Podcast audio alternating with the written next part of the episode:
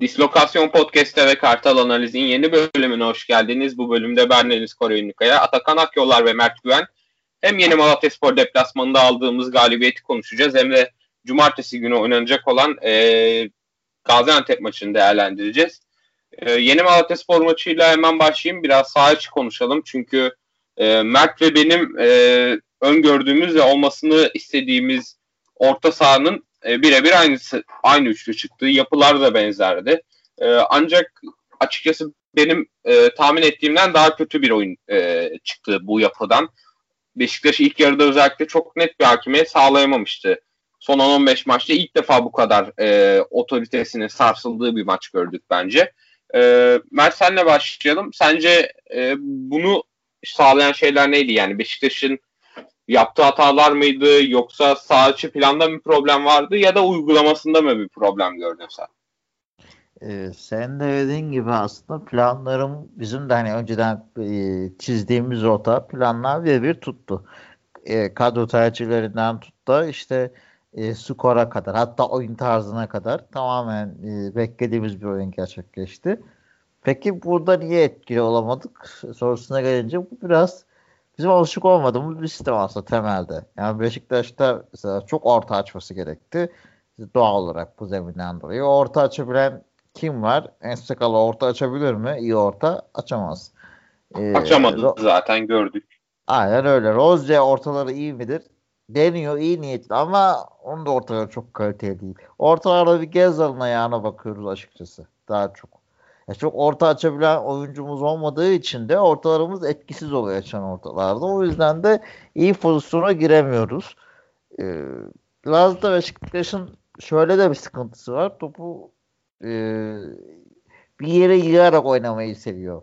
Yani at kanat değiştireyim birazcık farklı bir şey deneyim yok. Mesela top e, soldan gidiyorlarsa sola yığıyorlar oyunu. Sıkışık alanda oynamaya çalışıyorlar. Ama hani daha önce de konuştuk. Rıdvan'ın yokluğunda Larin'in performansı aşağı çekildiği için doğal olarak adam sola açık değil sonuçta. Arkası da destek veren ve iyi bir bek olmadığı için e, sol kanadı Beşiktaş'ın bu tarz maçlarda bitiyor. Yani sağ, sağ kanada ayağına bakıyoruz açıkçası. E, rakip de sağ kanada önlem almaya çalıştığında Beşiktaş'ın bu tarz maçlarda özellikle zeminde kötüyse yapabileceği iş kalmıyor. Yani şapkadan tavşan çıkarmaya benziyor o iş. Ee, yani orta saha korkusu yani bu orta saha korkusuna rağmen beni asıl şaşırtan şey maçta orta sahaların çok olmamasıydı. Onlar Malatya hızlı geldi. Biz hızlı çıktık. Baktığınız zaman çok orta saha mücadelesi izleyemedik maçta. Ee, yani ileriyle geri attın bu kadar kopuk olması bana biraz tuhaf geldi mesafelerin bu kadar açık olması ki biraz da orta sahada bu üç defansif gücü yüksek oyuncuyla çıkmanın buna nasıl sağladığını anlayamadım aslında. O yüzden bir şaşırtıcı. Onu çözemedim. Yani Beşiktaş çok e, açık ver defansta. Bu kadro bu kadar defansif açıdan açık vermemesi lazım. Tamam. Üretemeyebilirdi. E, kadro gereği. Kenardan atacağı oyuncularla Beşiktaş kulübeleriyle maçı çevirebilirdim. Doğruydu. Ama ben defansta bu kadar kopukluk beklemiyordum defans hücum arasında. O beni çok şaşırttı. Yani mesela maçı izlerken annem bir şey dedi. Yani annem normalde futbolla çok ilgili değildir. Benim de işte izler futbolu. Dedi ya Enstaka ne kadar çok Mustafa'yı kaçırıyor. Ne kadar adam üstünlük sağladı dedi. Yani dedim evet yani işte tamam. Temel soru bu aslında Beşiktaş'ın. Enstaka yani baktığı zaman. Artık yani Zekala'yı çok e, sözümüzde kalmadı söyleyecek de ya attığı pas desen çok riskli pas atıyor. Yani baktığı zaman bayağı e, aşağı çıkıyor. Tamam bu zeminde Zekala'nın oynaması doğru demiştim ben zaten maçtan önce de.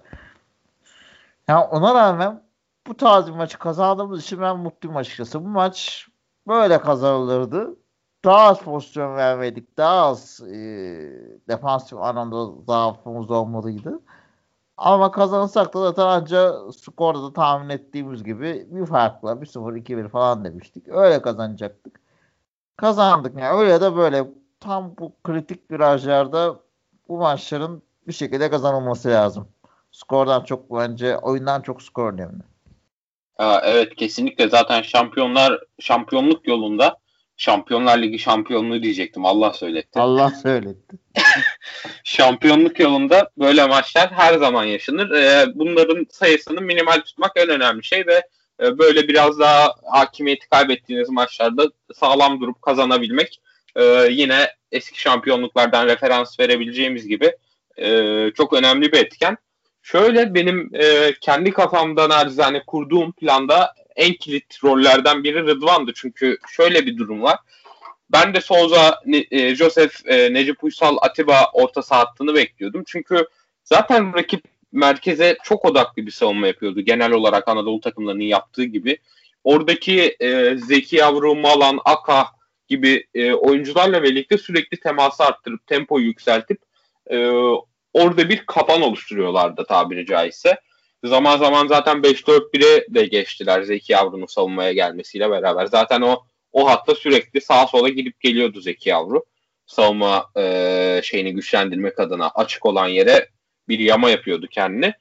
Böyle bir ortamda oraya Oğuzhan Laiç, Mensak gibi böyle daha teknik, daha kırılgan bir oyuncu atmak benim için mantıklı değildi. Bunu merkezdeki tabii bir yaratıcılık gerekiyor. Bunu da yapmanın yolu Gezal'ı sağdan merkeze doğru çekerek yani orada hareketli bir oyun oynatarak hem e, Gezal'ın oyun alanını genişletip hem merkezdeki yaratıcılığı arttırıp hem de e, muhtemelen Gezal'la birebir oynayacak sol bek oyuncusunu e, onunla birlikte içeriye çekerek Rozier'e bir koridor açmaktı plan benim kafamda. Ama burada şöyle bir e, sıkıntı var. Senin de dediğin gibi e, savunma ve orta saha arasındaki bağlantıyı sağlayacak bir oyuncu eksikliği var burada. Her ne kadar Souza da olsa Souza'nın alıp dönüp vereceği isim de Necip ve Atip olunca e, bu sefer çok daha e, seyrek çıkabiliyoruz o hengameden. Savunmadan orta sahaya belki geçiyoruz ama bir adım ötesine gitmek bizi çok zorluyor böyle bir şey olunca. Eğer Rıdvan olsaydı solda, onun soldan içeriye gelerek zaman zaman stoperi üçlediği, zaman zaman da Souza'nın yanına gelerek savunma önünü e, ikilediği denklemde ben çok daha e, iyi bir oyun oynayabileceğimizi düşünüyorum bu orta sahayla eğer öyle olsaydı. Çünkü çok yaratıcı bir oyuncu Rıdvan. Pas e, becerisi çok yüksek. E, bunun yanında tabii Larin'e de verdiği destek var. Böyle olsaydı ben yine bu planın işleyebileceğini düşünüyordum ama olmadı, işlemedi. Hocanın da iyi bir müdahalesi vardı bir, ve biraz daha toparladı bu durumu diyeceğim ama onun öncesinde e, ikinci yere geçmeden önce Atakan'dan da bir yorum alalım. Sen e, bizden daha farklı bir plan e, düşünüyordun. Sen yine orta sahada bir yaratıcı oyuncunun olması gerektiğini söylemiştin. E, senden de ilk yarı odaklı bir yorum alalım. Sahada yanlış giden şeyler neydi sence? Ee, ya ilk yarıya baktığımız zaman Beşiktaş'ın uzun süre sonra sizlerin de dediği gibi istediği oyunu e, rakiplere e, dayattığı oyunu yansıtamadığını gördük. O e, bizim alışık olduğumuz e, Beşiktaş baskısı olmasına rağmen e, merkez kitlendiğinden dolayı o istenilen oyun bir türlü çıkmadı. Burada biraz da Malatya Spor'un, e, gene Malatya Spor'un e, takım karakterine de bakmak gerekiyor. Sergen Yalçın Beşiktaş'a gelmeden önce e, bilindiği üzere Malatya'yı çalıştırarak gelmişti. Malatya'daki birçok oyuncuyu, camianın yapısını, e, takımı e, tanıdığından dolayı da Necip'le çıkmaya karar verdi. Açıkçası ben de e, Laiç gibi yaratıcı veya Mensah gibi daha driplingi olan bir oyuncuyla çıkmasını tercih ederdim. Ee, önceki podca- podcast'te de söylediğim gibi. Çünkü zaten e, Ensakala ile beraber statik bir defans kurgusu olduğundan dolayı orada e, çok fazla e, defansif e, yönü düşünen oyuncular olmaya başladı orta sahada Atiba Joseph Necip üçlüsü. E, Malatya'ya baktığımızda da koşmayı, mücadeleyi seven bir kadro yapısına sahipler. Merkezde Akuah gibi fizikli oyunculara sahipler. Orada merkezi kitlemek adına Necip Atiba Josef'le çıkıldı ama burada e, Gezal ve Abu Bakar'a bel bağlanınca hücumda tabii ki de e, biraz e, sıkıntı yaşandı hücumda ki bunu zaten maç öncesinde de bekliyorduk. E, zeminin de etkisiyle kalitesi düşük bir maç oldu açıkçası özellikle ilk yarıya baktığımızda. Ama e, ilk yarının e, sonlarına doğru biraz daha tempoyu arttıran bir Beşiktaş gördüm ben açıkçası. Özellikle Gezzal'ın daha fazla içeriye doğru kat etmesiyle beraber Rozier Gezal kanadının e, biraz daha çalışmasıyla beraber biraz daha hareketlendi oyun. Mensah'ın da zaten ikinci yarıda girmesiyle beraber Gezal da, biraz daha fazla rahatladı merkezde Mensah'ın da oluş, oluşuyla beraber. Kanatlarda daha rahat bir oyun sergiledi. Ben burada Gezal'ın ortalarına dikkat çekmek istiyorum. Özellikle ilk yarıda da çok fazla orta açtı. Ee, Beşiktaş'ın oyun yapısında özellikle bu sene, bu sezon e, çok fazla ortalara yer yok. Daha fazla ayağa pas yapan bir takım olduk. Ama tabii ki de zeminin azizliği, zeminin Malatya Spor'un zemininin sıkıntılı olmasından dolayı e, ortalarla özellikle arka direkte Larin'i e, buluşturarak bir gol umudu aradık. Ancak tabii ki de bu olmadı. E, Beşiktaş ne zaman Necip Atiba, Josef gibi 3 defansif orta sahayla çık çıkarsa e, bu üçlü çıktığı her maçta sıkıntı yaşıyor. E, geçen podcast'te de örnek vermiştim. Alanya Spor maçında da e, Necip yerine Dorukan'la çıkılmıştı. Yine orta sahada o yaratıcı oyuncunun eksikliği göze batmıştı ve Alanya Spor maçını kaybetmiştik. Tabii ki de deplasmanlarda e, Sergen Yalçın daha farklı takımlara göre, rakibe göre kadro çıkartıyor ve e, her takımda olduğu gibi e, Beşiktaş taraftarları da e, Sergen Hoca'nın kadrosunu e, çıkardığı kadroyu bazen eleştirebiliyor, bazen beğenebiliyor ama e, maçın sonunda, günün sonunda baktığımız zaman Sergen Hoca'nın iyisiyle kötüsüyle e, kendisini kendisinin doğrularına en yakın kadroyu çıkarttığına veya Beşiktaş'ın e, galibiyeti adına en doğru kadroyu çıkarttığını herkes e,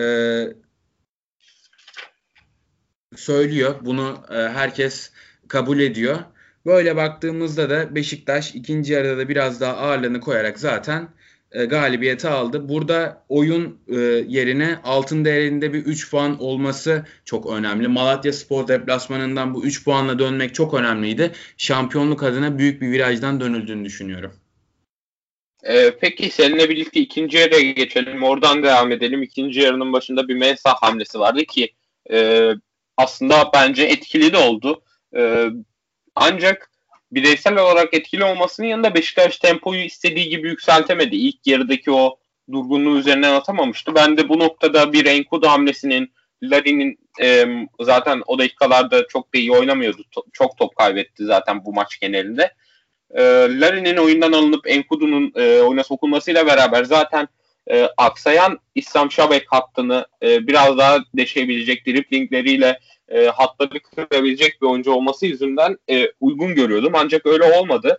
E, bunun yanında yine Beşiktaş güzel bir e, oyun kurulumuyla, güzel bir build-up'la e, golü buldu. Tabii burada golü atmasıyla beraber yine öne çıkan bir isim oldu ki bence e, o aradan sonra e, Ziraat Türkiye Kupası ve bu 11 günlük aradan sonra Atiba e, zaten sezon başında ve geçen sezonun ikinci yarısındaki hepimizi bir kez daha meslettiği standardına çıkmaya başlıyor. Neredeyse ulaşacak tekrardan oraya.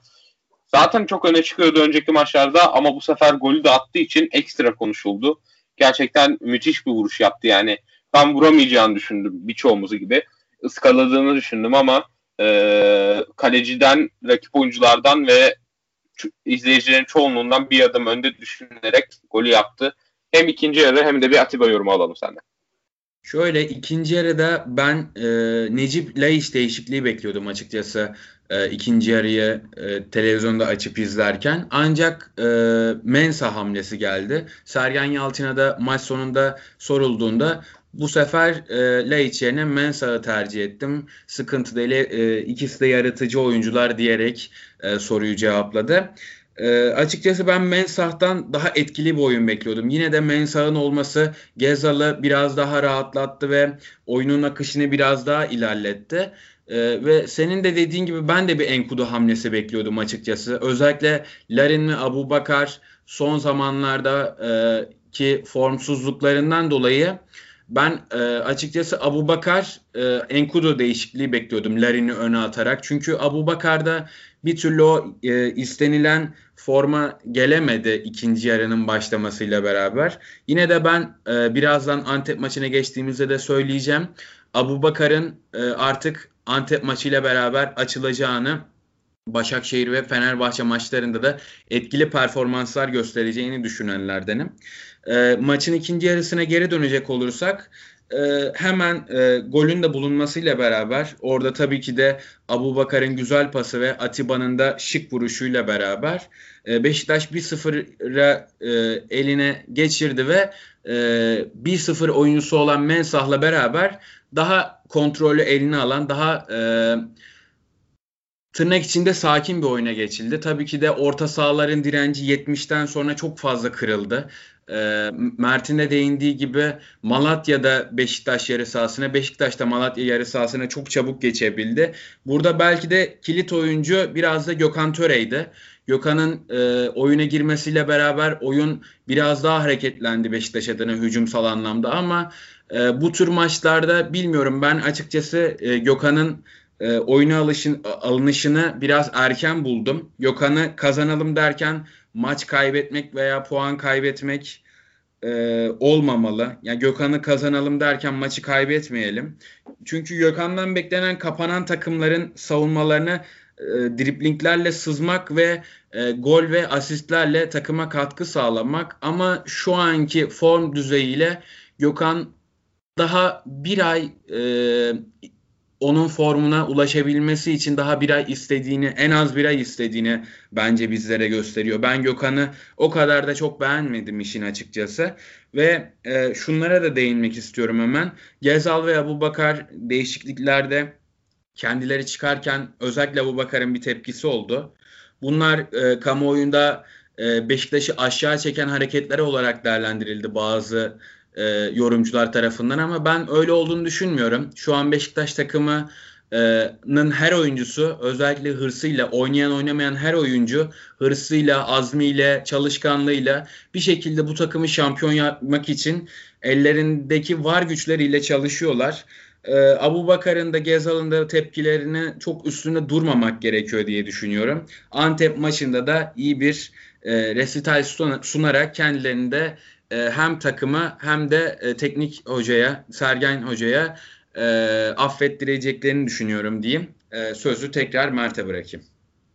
Ya şöyle Mert'e geçmeden önce zaten bunlar e, oynamak isteyen takımlarda sürekli oluyor. Ya Beşiktaş'ın önceki iki şampiyonluğunda da oluyordu bunlar. İşte Quaresma yapıyordu. Gerçi o hep yapıyordu saçma bir şekilde ama başka oyuncular da e, kendine de kızarak belki biraz çıkarken oyundan tepki verebiliyorlardı. Bunlar normal şeyler. Zaten hoca da ortalığı velveleye vermeyerek gayet doğru bir hareket yaptı. Suları yatıştırmış oldu. Ortada büyütülecek bir şey de yoktu zaten. E, Mert sana geçeceğiz dediğim gibi ama e, hem ilk yarı hem Atiba e, ve bunun yanında da Wellington'a birazcık ben değinmek istiyorum açıkçası.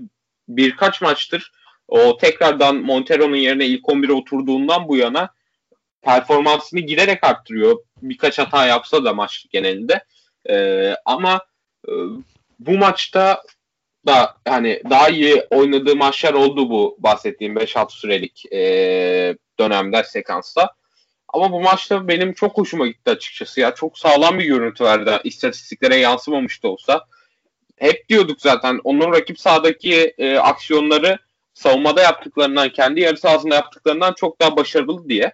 Bu bahsettiğim süreçte savunmadaki aksiyonlarını da geliştirmesinin yanında o e, diğer rakip yarı sahada verdiği katkıların da azalmadığını belirtmek gerekiyor. Bu maçta da birçok atağın hani rakip kontra atağa çıkacakken ön hamle yapıp bizi tekrar atakta tuttu. İşte atak sürekliliğini sağlamamızda çok yardımcı oldu bize.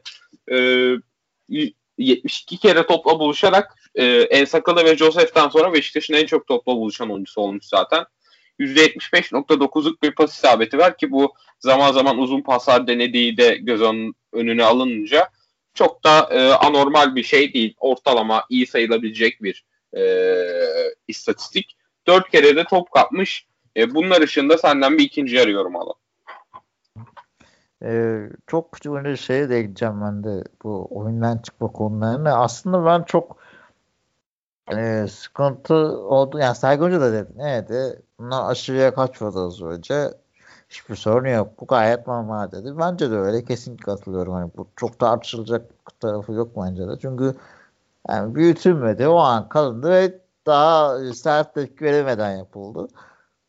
Ee, Beşiktaş dediği daha önce de söyledim. Kaostan beslenmediği için bu tarz çıkarılan kaoslar medya önünde e, işte taraftarlarca buna destek gelmesi veya işte bu buradan ambiyane tabirle gaza gelinip işte sen ne yapıyorsun diye oyuncuyu linçlemek e, yapılmadık ki zaten yapılması onu söyleyeceğim. Çok zararlı. Yapılmaması da gerekiyor. Bundan sonraki süreç için söylüyorum. E, gene yapılırsa diye ufak tefek şeyler. Çünkü bu Beşiktaş'a zarar verir. Beşiktaş'ın şu an hiçbir kaosa ihtiyacı yok. Beşiktaş takır takır şampiyona odaklanmış durumda. Çok vahim, çok sınırları aşan e, bir durum olmadıkça hatta bunları hiçbir Beşiktaşlı'nın konuşmaması bile gerek bence. E, ve düşünüyorum açıkçası. Maçın ikinci yarısında e, gelenine gelecek olursak e, ya Atiba'yı öve öve bitiremeyiz. Hani o artık e, anlatacak kelime de yok. Yani Beşiktaş'ın neredeyse vücut bulmuş hali ama Beşiktaş sensin çocuk diye bir geyik vardı yani o sensin o sensin. Atiba o yani gerçekten de. Çok farklı bir yapıda bir insan. Beşiktaş sensin dedem olur bu ama çocuktan aynen. Aynen aynen.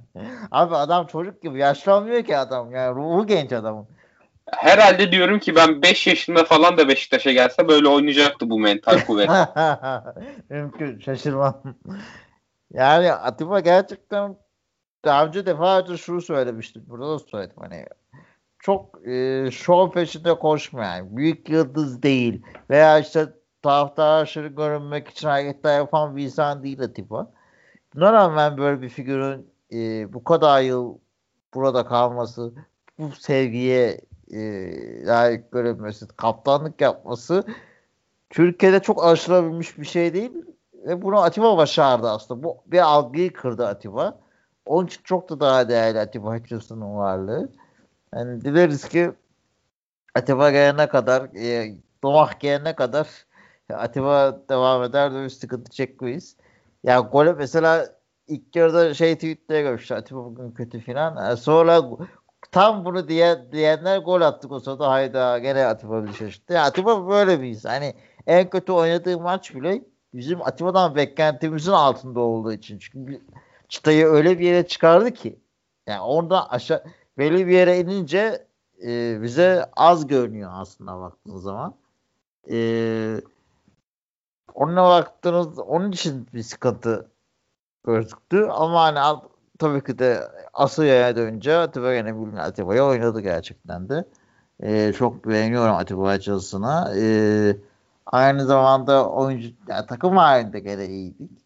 Baktığın zaman e, Abu Bakar zayıf kaldı biraz. Çok beğendiğim bir oyuncu değildi.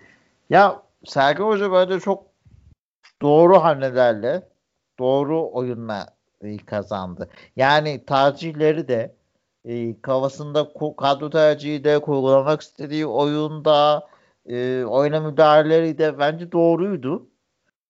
Bu şu tartışılmalı. Oyuncular bunu ne kadarını sahaya yansıtabildi?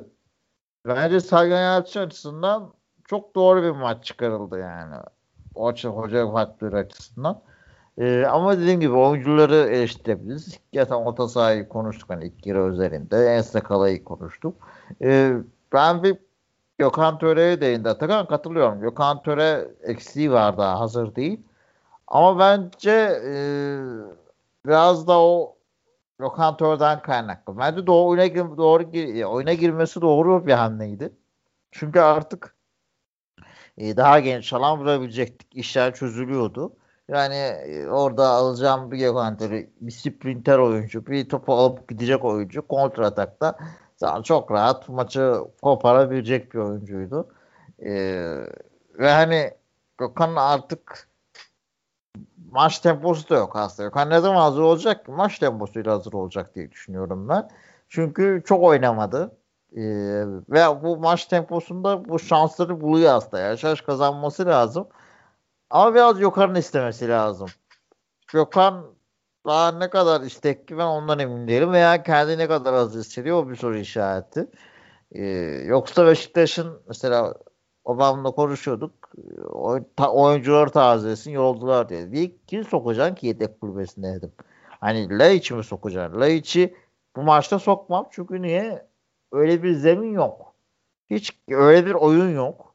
Laiç'i bu maçta hiçbir şey yapamaz. Oğuzhan desen aynı. Yani bir tek şey düşünebilirsin. Acaba Dorukan'a girip orta bir defans kadroya mı çıksan? İlk yarıda bunun ceremesini çektin aslında. Onu da giremezsin. Ya o zaman yapabileceği 3 hamle vardı hocanın. Böyle orta sahaların olmadığı e, ceza iki tarafın da geri sahasına hızlı şekilde geçildiği maçta. Neyse en kutu Yokanta'ydı. Tercihler doğruydu bence. Ne kadar iş etti biraz oyunculara bakıyor. Hasic de girebilirdi. Evet o da bu tarz bir etki olabilecek bir maçtı ama kimi yeni alacaktın? Kanatta en kutuya yukarı soktuktan sonra o da yer yoktu. Onun için üzüldüm. Ee, yani hoca bakımından bence iyi yönetilmiş maçtı açıkçası diye e, sözü bırakayım. Yani ben takımı genel olarak beğendim. Bir ilk yarıdaki performans dışında diye düşünüyorum. Peki. Atakan sen Utku ile ilgili bir şeyler söyleyeceksin sanırım. Evet ya şimdi Utku bir kere kalesinde güven verdi. Utku hemen hemen 5 senedir Beşiktaş'ta oynayan e, genç diye niteleyebileceğimiz yaşı artık hafiften geçmeye başlayan tahminimce şu an tam bilmesem de 23-24 yaşlarında olan bir e, kaleci. E, Utku e, oynamayarak formunu devam ettiriyor. Ben buna değinmek istiyorum. Ersin çünkü oynayarak form tutuyor. Ersin'i şu an çok beğeniyoruz. İşte Fransa'da Lyon'dan e, e, bir teklif olduğu konuşuluyor kamuoyunda. Ama Utku Ersin'in yokluğunda oynadığı her maçta üstüne koyarak devam ediyor. E, Ersin'in olmadığı işte Başakşehir maçı olsun, Fenerbahçe derbisi olsun. Sonra Türkiye Kupası'nda Konya Spor maçı olsun. Konya Spor'da e, penaltılarda e, takımı kurtarması olsun ve dünkü maç olsun. E, dün 4 e, 4'te 4 e, kurtarış yaptı e, gol yemedi ve e, ayağı paslarda da e, %100 pas isabetiyle oynadı. Bunlar çok önemli çünkü Utku e, kurtarışları fena olmayan ama ayağı paslarda sıkıntı yaşayan bir kaleciydi. E, Karius'un yokluğunda oynadığı maçlarda geçtiğimiz sezonlarda e, sıkıntı yaşıyordu Utku. İlk defa ben Beşiktaş'ta bu kadar konsantre olmuş bir Utku Yuva kuran görüyorum açıkçası. Bu sezon her maçta ben eminim ki Ersin'e bir sıkıntı olduğunda kendisinin oynayacağını bildiğinden dolayı o kaleyi emanet e, o kaleyi geri e, teslim alacağını bildiğinden dolayı her an e, kendini hazır tutuyor. Her maç kendini hazır tutuyor. Bu da hem Utku için hem Ersin için çok önemli. İkisi de birbirlerine yakın kaleciler ve ikisi de bu tatlı rekabetle birlikte kendilerini geliştiriyorlar. Çok kısa bir parantezle Antep maçına geçmeden önce Mensah'ı açmak istiyorum. Mensah yetenekli bir oyuncu, iyi bir oyuncu. Bunu tüm Beşiktaş taraftarları söylüyor. Geldiğinde de e, birçok Beşiktaş taraftarı Mensah'ın iyi bir transfer olduğunu düşünüyordu. Ancak Mensah artık e, taraftarın ve e, Sergen Hoca'nın verdiği krediyi tüketiyor. Artık Mensah'tan olumlu daha fazla hamle görmek istiyor taraftarlar. Sadece Karagümrük maçında e, çok çok iyi bir oyun ortaya koydu. Ama e, diğer maçlarda biz Mensah'ı göremiyoruz. Artık 1-0 olduğunda maç Mensah'ın oyuna ağırlığını koyması gerekiyor. Yoksa sezon sonunda e, Sergen Hoca'nın e, diğer sene yapılanmasında, diğer senedeki kadro yapılanmasında ben Mensah'ı düşünmeyeceğini düşünüyorum açıkçası. Mensah artık Mensah için tehlike çanları çalıyor denebilir. Ee, evet Utku konusunda ben de sana katılıyorum. Mensah'da zaten biz daha önce bol bol konuşmuştuk. Kesinlikle şu anda sözleşmesinde yazan opsiyonlu bonservis bedelini edebilecek bir oyun performans sergilemiyor. Ee, bununla beraber biraz da önümüze bakalım. Gaziantep maçına geçelim. Ee, Gaziantep FK bizi ilk yarıda çok zorlamıştı. Zaten mağlup etmişlerdi 3-1 e, kendi evlerinde. Gerçekten sıkıntılı bir maçtı. Beşiktaş'ın da aslında e, o bizim bugünlere gelmemizi sağlayan serisinin e, başladığı maçta o maçın ardından biraz toparlanmıştık. Şimdi yine bir Gaziantep mücadelesiyle beraber e, çok belirleyici bir fikstüre giriyoruz artık. Herhalde bu yani birçok fikstüre bunu söyledim ben e, Kartal analiz genelinde. Ama hep böyle bugüne kadar dengeli dengeli gitti. Ancak Gaziantep maçının ardından başlayan e, maç yoğunluğunda Beşiktaş'ın nasıl çıkacağı e, sezonun sonunu da büyük oranda belli edecek gibi geliyor bana. Zaten bir noktada kopması lazım. Gaziantep e, Şumedika ile iyi bir yükseliş yaşamıştı. E, ancak e, yönetim ve hoca arasında yaşanan ekonomik problemler işte maaş mevzusunda anlaş, anlaşmazlık çıkması e, hocanın kovulmasına sebep oldu. Zaten e, bu arada Şumudika bugün de Çaykur Rizespor'dan kovuldu. E, onu da belirtelim. Hocanın gitmesinin ardından e, Ricardo Sapinto ile anlaştılar. Ancak o ivmeyi aile kaybetmiş durumdalar. Aslında fena da bir kadroları yok bence. E, işte Güray olsun sol kanat bekinde. Maxim çok beğendiğim bir oyuncu. Stoper hatları iyi. Muhammed var. E, Santrafor'da vesaire vesaire. E, yine Noah Diko ilk maçta da bize zorluk çıkarmıştı. Fena bir kadroları yok ancak e, yeni hoca ile birlikte çok da iyi bir momentum tutturamadılar. Son 6 maçta 2 e, galibiyet alabildiler sadece. Ve e, Gençler Birliği maçından önceki 3 maçta da gol dahi atamamışlardı. Ancak Gençler Birliği'ne karşı kazandılar. E, fakat şöyle bir şey var ki Gençler Birliği maçlarının bence artık kıyas olarak, referans olarak kabul edilmemeleri gerekiyor. Çünkü şu anda en kolay mağlup edilebilir takımlardan bir tanesi ligde. Hatta bence başlarında geliyor bu takımların. Ve o maç haricinde e, hoca ile birlikte kazandıkları tüm maçlarda topu radikal bir şekilde bırakıp direkt oyun oynayarak kazandılar. E, Göztepe maçı bunlara bir örnek. E, Sapinto'nun açıklamaları vardı maç öncesinde. Biraz onlara okuyayım. Onunla beraber e, hemen Gaziantep maçına geçeceğiz. Benim için Türkiye'nin en iyi takımı Beşiktaş dedi Portekizli hoca. Beşiktaş'a karşı orada puan almaya çalışacağız. Şimdi şartlar daha farklı. Haftada iki maç oynuyoruz. Fiziksel olarak tam dinlenemedik ama oraya puan almaya gideceğiz. Geçen hafta maçta konsantre olamadığımız için hatalar yaptık. Konsantre olamayıp hata yaparsak Beşiktaş direkt golü atar demiş. Ee, bu yönünü bu yönümüzü artık rakiplere hissettiriyor olmamız güzel bir şey ama e, bir de kötü haberim var e, Beşiktaş taraftarları için. Bizim programı kaydettiğimiz dakikalarda ortaçizgi.com'un özel haberine göre Cenk Tosun Gaziantep maçında da kadroda olmayacak. Milli oyuncu dizindeki ödemin geçmemesinden ötürü bu akşamki e, bugün yapılan antrenmana da katılmamış ve kadroda olmayacak. Abu Bakar'ın böyle formlu yaşadığı da, e, dönemlerde aslında ona çok ihtiyacımız vardı ama şanssız bir şekilde kullanamıyoruz kendisi kendisini. Tüm bunların ışığında e, Gaziantep maçını nasıl değerlendiriyorsun Mert? Ee, öncelikle e, o ilk yarıdaki maçı e, hafızalardan silmek için bir fırsat. Çok kötü oynadık bizim maçta. Ee, yani bayağı e, değerini izah bıraktı aslında o maç. İyi giderken tam toparlanıyorduk ilk yarıda. Deniz ve Mahatte galibiyetlerinden sonra gelmişti o ağır mağlubiyet sancılı bir yere girecek biz deyip oradan ama iyi bir şekilde çıkmıştı Beşiktaş. Ee, ama dediğin gibi Sumdika artık yok yani e, Gaziantepspor'un önemli silahı e, organize bir şekilde etkili hızlı kontralardı. E, çok iyi yapıyorlardı. Kaliteli yapıyorlardı. Düz Anadolu takımı gibi değil. Gerçekten bunu bir sistemli bir şekilde yapıyorlardı. O çok etkiliydi. Ama dediğin gibi de çok doğru. O etki kırıldı artık e, o büyü bozuldu Antep'in e, ve artık eski formda değiller. E, baktığınız zaman Beşiktaş'ın kadro tercihlerinde de mesela Rıdvan muhtemelen oynayacaklar. Hiç oynayacak. Yani çok ek, Montero e, Antep kadrosunda olur. Oynar mı? Bence oynatmaz. Çünkü antrenmanına başlamış. Montero döndü. E, ama kadroda olur. Yani diyebileceğim şu. Beşiktaş'ın alternatifleri arttı kulübeye baktığı zaman. Diri bir Leç, diri bir Oğuzhan. E, alternatiflere nereden bakarsan bak Beşiktaş'ın daha dinlenmiş olarak gelecek. Yani orta sahada evet. Mesela Necip'i kullandı. Mensah kullandı. Onlar yoruldu. Mensah gene ikinci yarı sokabilir mesela. Ama ilk 11 için bir avantaj şu an Beşiktaş'ın orta sahasına baktığın zaman. Erdoğan dönecek. Bu bir avantaj.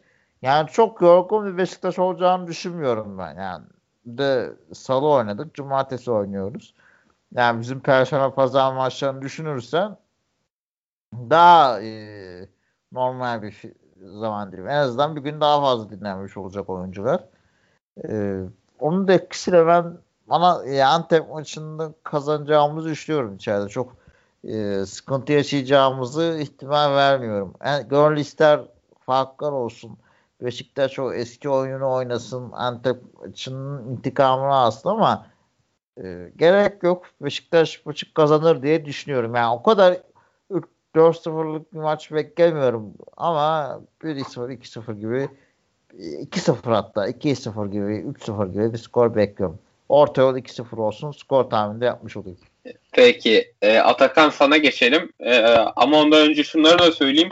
Gaziantep'te iki önemli eksik var e, şu anda gözüken bilgilere göre. Biri Jiran Armel Kanabıyık stoper hattında sakatlığından dolayı oynayamayacak. E, diğeri de Gaziantep maçında kırmızı kart gören Kevin Viralas ki iki önemli oyuncu Gaziantep yapısında. Ben de Mirallas'a değinecektim aslında. E, kırmızı kart cezalısı olmasına. E, Mirallas gerçekten çok kaliteli bir oyuncu. Özellikle Premier Lig zamanlarında e, Premier Lig sevenlerin e, sempatiyle baktığı oyunculardan da e, Kevin Mirallas. Yetenekli de bir oyuncu. Antep'in e, kadrosuna da bakacak olursak geneline Antep ligin e, üstünde bir kadroya sahip. Kaliteli bir kadroya sahip.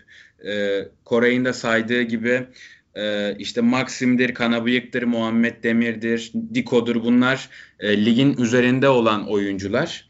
E, Antep'in e, en önemli silahı üçlü savunmasıydı. Ancak Mert'in de dediği gibi o büyü bozuldu tırnak içerisinde. Ancak şöyle de bir durum var. Ben Gençler Birliği maçını, Antep'in son oynadığı Gençler Birliği maçını o kadar hafife almıyorum. Çünkü Gençler Birliği ne karşı 1-0 geriye düşüp 10 kişi kalmalarına rağmen 2-1'i buldular, 2-1'i kazandılar.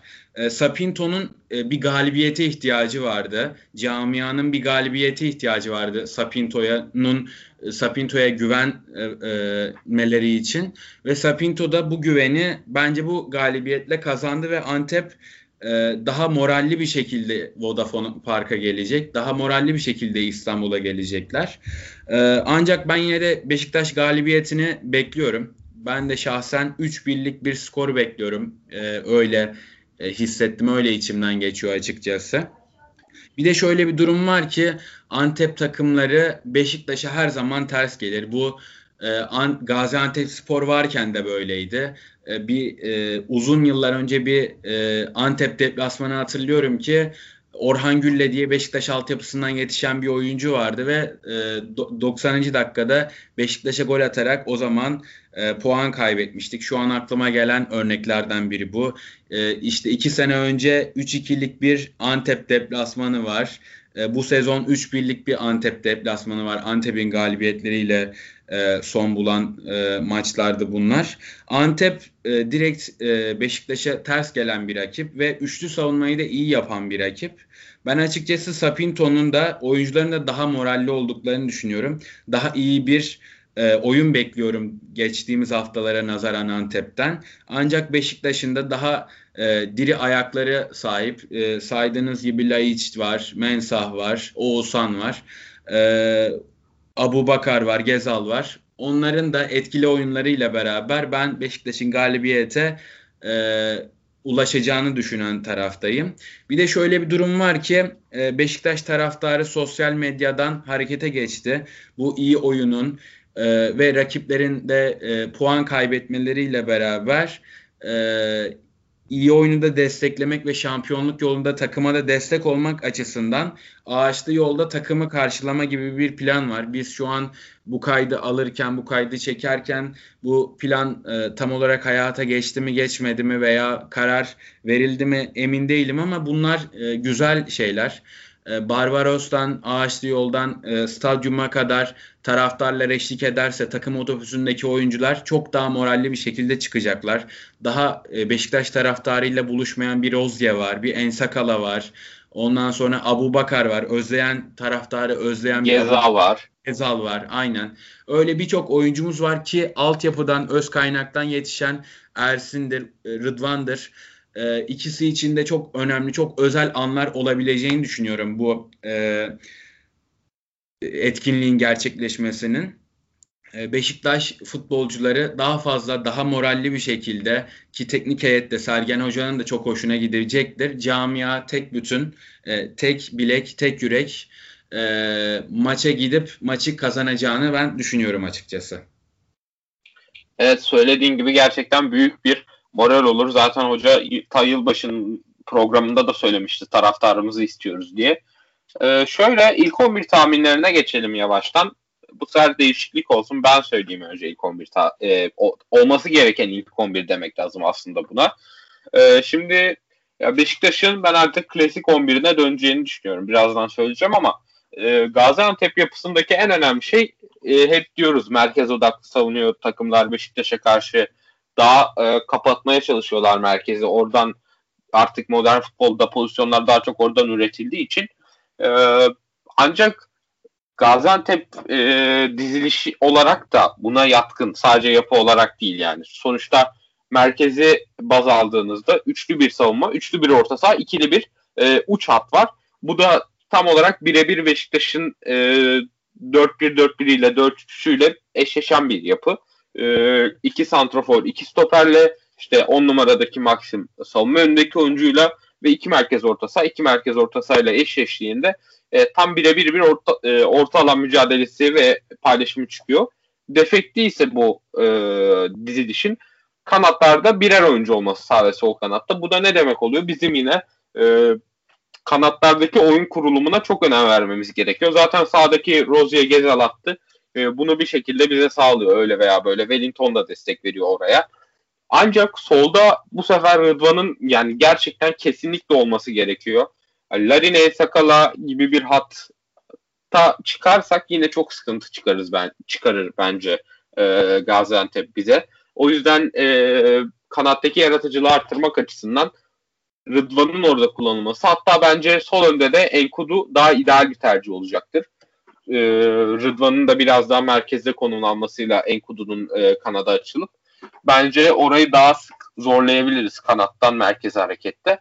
E, kalede Ersin'i bekliyoruz. Zaten antrenmanlara da çıkmış. Midesindeki problemi atlatmış. Rozier, Wellington, Vida, Rıdvan. E, savunma önünde Souza. Solda Enkudu, sağda Gezal, orta ikili de Atiba Laiç bekliyorum ben ve en uçta bu Bakar diyorum. Mert sen ne dersin?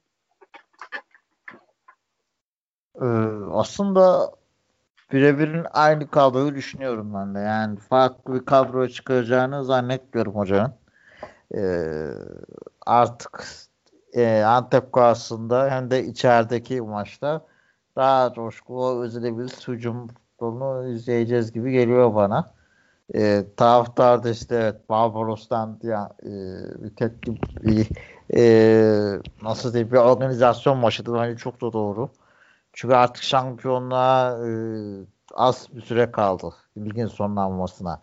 Yani bir takımın bir taraftarı olduğunu hissetmesi lazım. Sene başından beri gelen mesela Gezal, Rozier aslı taraftarlarla hiç tanışmadılar. Evet Türkiye'de olan yabancılar Beşiktaş'ı tanıyor, taraftarını da biliyor ama yani Gezal için, Rozier için bu çok daha yeni bir o veya bilmiyorlar Beşiktaş taraftar gücünü.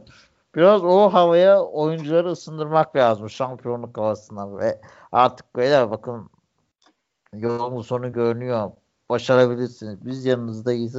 Hissettirmek çok değerli olacaktır. Ee, çok e, kritik bir zamanda e, bu yapılıyor diye düşünüyorum. Çünkü zaten sonrasında çok daha zorlu bir fikstüre girecek Beşiktaş. Yani bu moral şu an o kadar lazım ki e, anlatamam. Yani tam zamanı şimdi. E, Sergen Hoca da hep söylüyor pandeminin sıkıntılarının ulaştığı etkileri.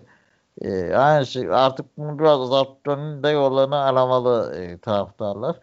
E, ama tabii bunu e, sosyal mesafe, maske en azından maskeye uyarak yapsınlar. Çünkü bu çok kritik yani. E, hem Beşiktaş'ın taraftarı hem de e, oyuncuları riske atmak olmasın diye kamu spotunu da verelim. E, evet. Yani ben ve 11 kadroda çok farklı isimler olacağını zannetmiyorum. Dediğim gibi Antep maçından net bir şekilde galibiyet bekliyorum. Beni çok şaşırtmaz Antep maçı. Ee, galip gelmemiz buna sürpriz olmaz. Dediğiniz gibi etkili oyuncuları da yok zaten. Ee, Muhammed Demir E, evet de biz bir çizgi tehlikeye atabilecek bir oyuncu ama e, Beşiktaş'ın artık e, Rodega ve tehlikeye atamadıktan sonra o şans o e, kemiği kırdığını e, düşünüyorum.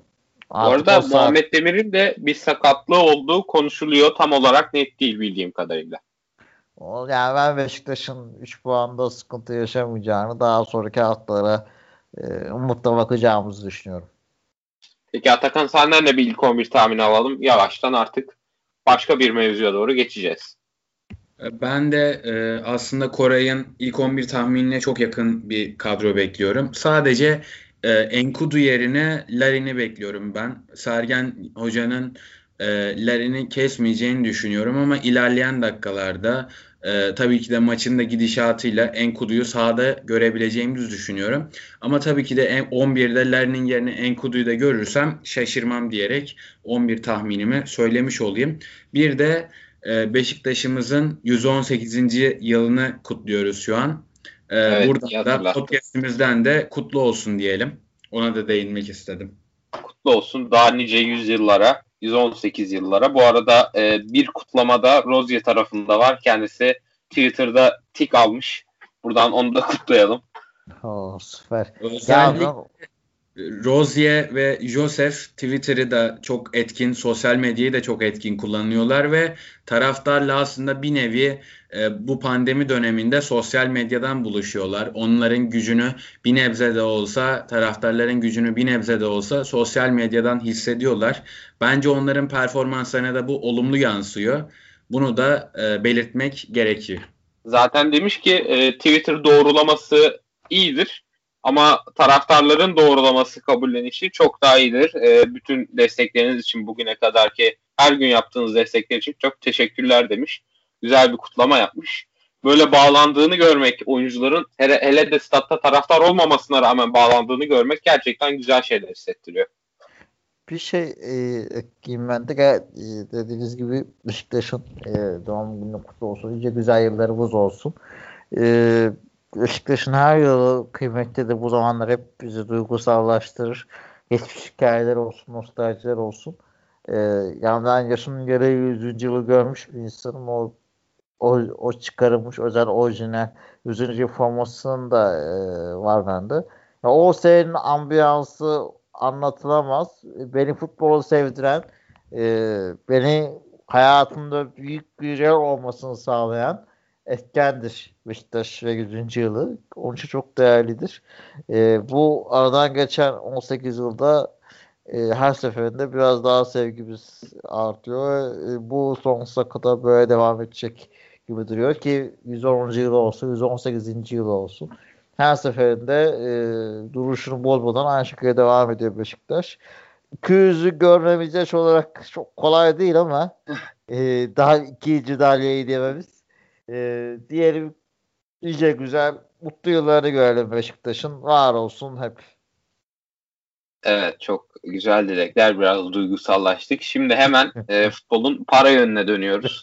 Hazırsanız.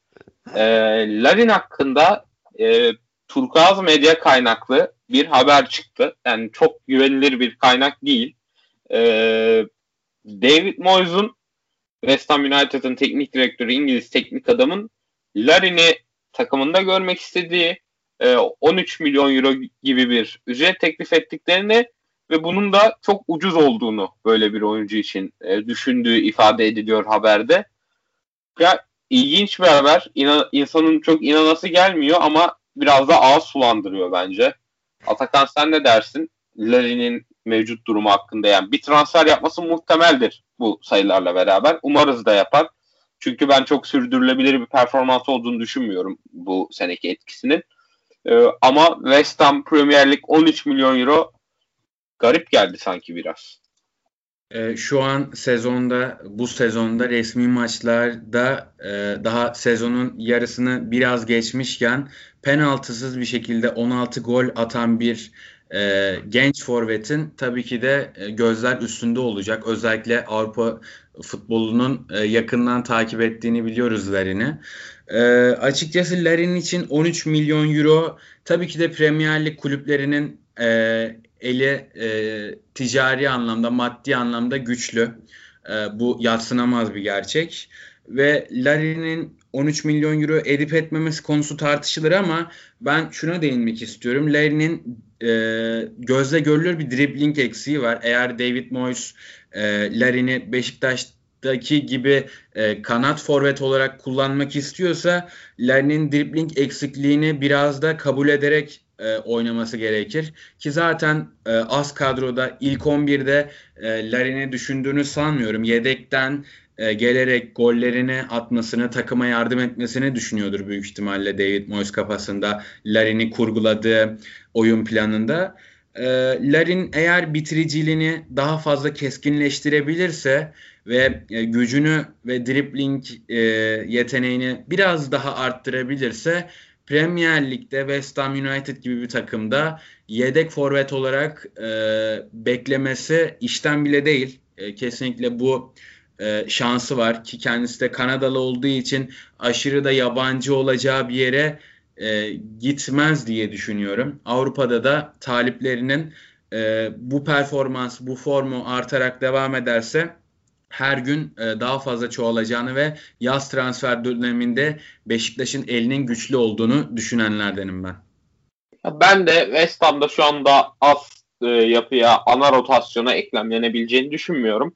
E, yani bir tık daha fizikselliğini ve senin de dediğin gibi bitiriciliğini keskinleştirirse Premier Lig'in e, bir yedek santroforu West Ham gibi orta şeker bir takımda e, gayet yer alabilecek bir oyuncu. Ya. Bize, bize de tabii ki e, 6 ay kadar öncesinde çok çok umutsuz olduğumuz bir oyuncunun böyle maddi bir katkı yapabilme ihtimali gerçekten güzel. Bunda da Sergen Yalçın'ın parmağının e, olduğunu söylemek lazım. Zaten hocanın biraz da göz ardı edilen bir özelliği bence bu.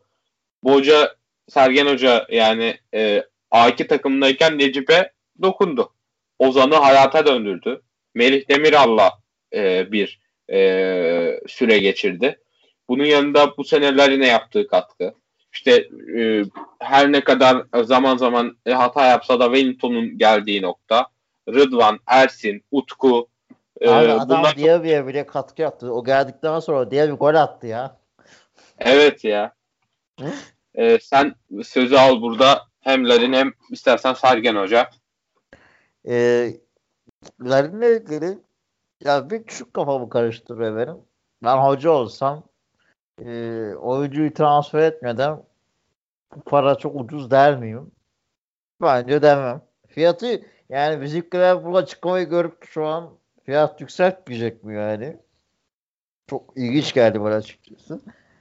Ee, az olarak düşünüyorsan onun için bir de hani haberi sadece gerçekliğini sorguluyorum. E, saçma yani kimse alacağı oyuncuyu aldıktan sonra söyler. Ucuza aldık diye. E, tabii şimdi de anlaşıldıysa zaten harika yani. O zaman diyecek laf yok. E, ama Larry'nin hani transfer sürecinin konuşursak gitmeli mi kalmalı mı? E, ya bence gitmeli. Oruç Bilon zaten çok iyi bir teklif. Ona yakın teklifler bile çok iyi bir teklif. Yani Larry'nin Beşiktaş'a e, maliyetli gelmedi. E, yani yapacağım e, iyi bir transfer her türlü kar kazandıracak. Yani ciddi bir kar kazandıracak ve aslında e, senin 11'in kadros e, senin ana çatın bayağı bir kiralık oyunculardan oluşuyor. Geçen saydım işte Montero, Gezal, e, Sağda Rozier, Cenk Tosun dört tane oyuncu senin kiralık nereden baksa ve hani onların yerini doldurmaya çalışman lazım. Onun için de para lazım. Ee, veya onların bonservisini alman lazım. Bunun için de gelecek bu tarz teklife değerlendirilmeli. Özellikle Larin gibi devamlılığı sürdürülebileceği net olmayan bir oyuncu için kesinlikle değerlendirilmeli. Evet Larin şu an çok formda altın çağını yaşıyor. Ama herkesin hani futbolculuk döneminde bir altın çağı olur ve sonra bunu devam ettirip ettiremeyeceği belli olmaz. Düşüşler yaşanabilir hemen. Ben biraz Rem'in öyle bir arada kalmış şey olduğunu düşünüyorum. Evet Sergen Hoca çok fazla verim aldı Larin'den. Ee, açıklamaları da var. Bunda çalışıyoruz diye işte. Ama bir yerden sonra hem takımlar arasından çözülecek, durdurmanın yolu aranacak. Hem de e, Larin eski formunu devam ettiremeyebilir. Yani çünkü futbol biraz şöyle bir şey. Hani özellikle golcüler için attıkça devamı gelir. Ama bir yerden sonra at tıkandı mı ayda sarbaşa. Çünkü Şenol Güneş de çok oyuncuya dokunan bilen bir hocaydı. O da kaç kişi kazandırdı Türk futboluna. Ama mesela öyle bir şey yapamadı. Ee, hı hı. Tabii ki yani e, şu an için Sergen Yalçın için Şenol Güneş'ten daha iyi hoca demek çok erken. Sergen Hoca da zaten bu iddiaya girmez. Ee, onun için Leon'in de bu altın çağını değerlendirmek lazım diye düşünüyorum. Ee, bu teklif gelirse satılıp takıma güzel yatırım yapılması Beşiktaş'a faydalı olacaktır. Hem Learn için de faydalı olacaktır. Ee, daha gözde popüler birlikte oynamak onun kariyer açısından da önemli olacaktır. İki tarafında memnun edecek şartlarda olması e, benim için en güzel haberdir. Evet kesinlikle katılıyorum. Son olarak ben skor tahminimi yapmadım onu yapayım. Ben e, Beşiktaş sanıyorum 411 dakika civarında bir süredir kalesini gole kapatıyor ama e, bu şeyin ben e, bu maçta bozulabileceğini düşünüyorum. Çok etkili kontra atak silahları var Gaziantep takımının. E, demin de saydık işte e, Diko bunların en önemlisi. Maxim bence bir diğer kilit isim e, onların yapısında. Ben bir gol yiyeceğimizi e, hadi bir farkla da kazanırız diyeyim. 2-1 olsun. E, bizim olsun. Totem e, İkinizin de efendim? Totem yaptın. Yok be. İkinizin de ağzına sağlık. Artık bir saate de yavaştan yaklaşıyoruz. Ee, bizi dinlediğiniz için teşekkür ederiz. Beşiktaş'ımıza e, Gaziantep karşısında evinde başarılar diliyoruz. Güzel bir galibiyetle yolumuza devam etmemizi e, umuyoruz hepimiz.